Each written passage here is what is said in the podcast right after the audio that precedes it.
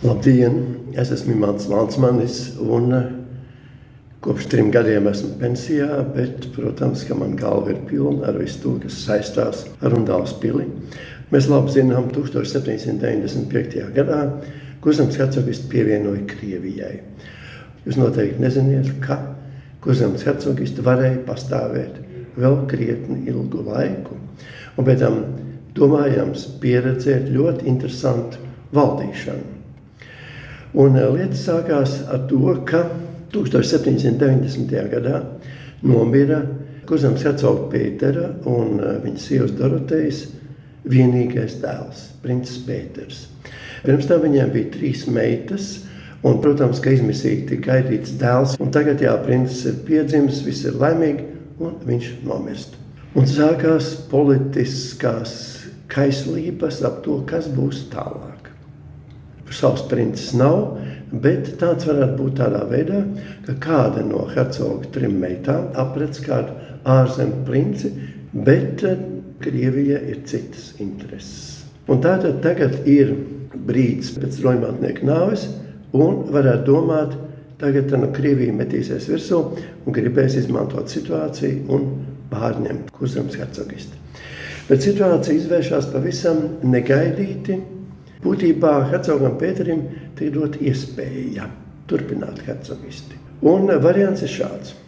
Hercogam Pēterim ir brālis Karls Ernsts, un šim brālim ir dēls Gustavs Kaliksts. Bet ir viens liels bet. Hercogs Pēters piedzima 1724. gadā, un četrus gadus vēlāk piedzima viņa brālis Karls Ernsts. Un turpinājums ir ļoti īpatnējs.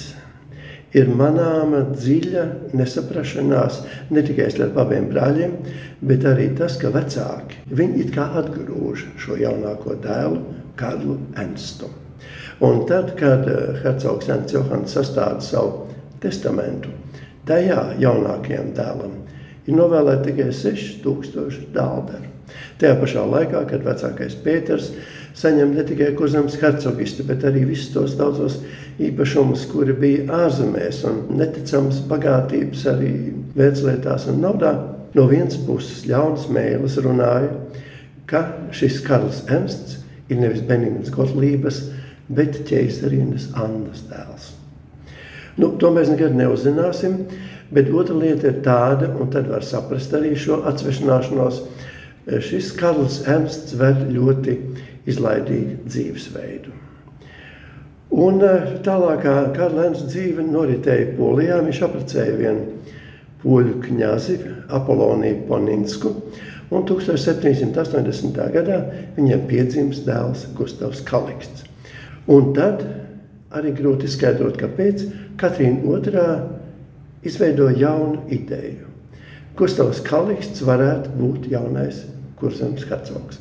Un viņi griežās pie hercoga Pētera ar uzaicinājumu, un vienam lieta attīstās tādā veidā, ka ķeizariena uzaicina pie tam šo te Gustavu Kalikstu uz Pēterburgas galmu, un tādā mērā būdam pārliecināti, ka hercogs Pēters taču neuzdrošināsies atraidīt viņas labi domāto piedāvājumu.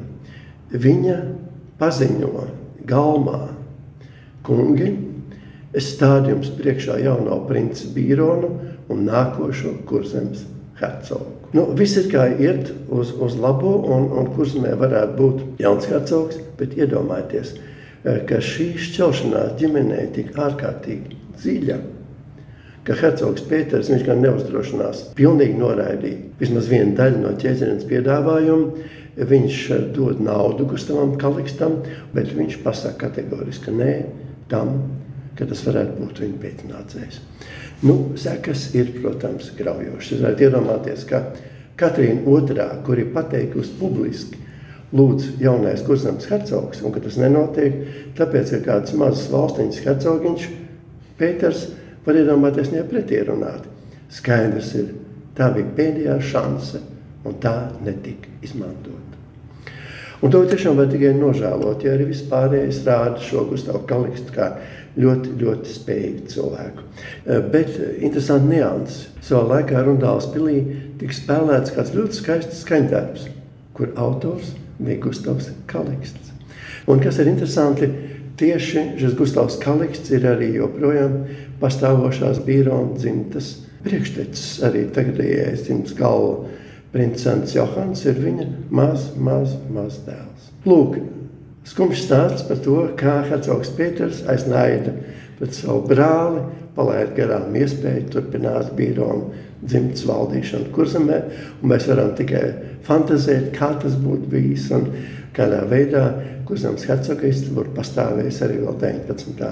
gadsimtā.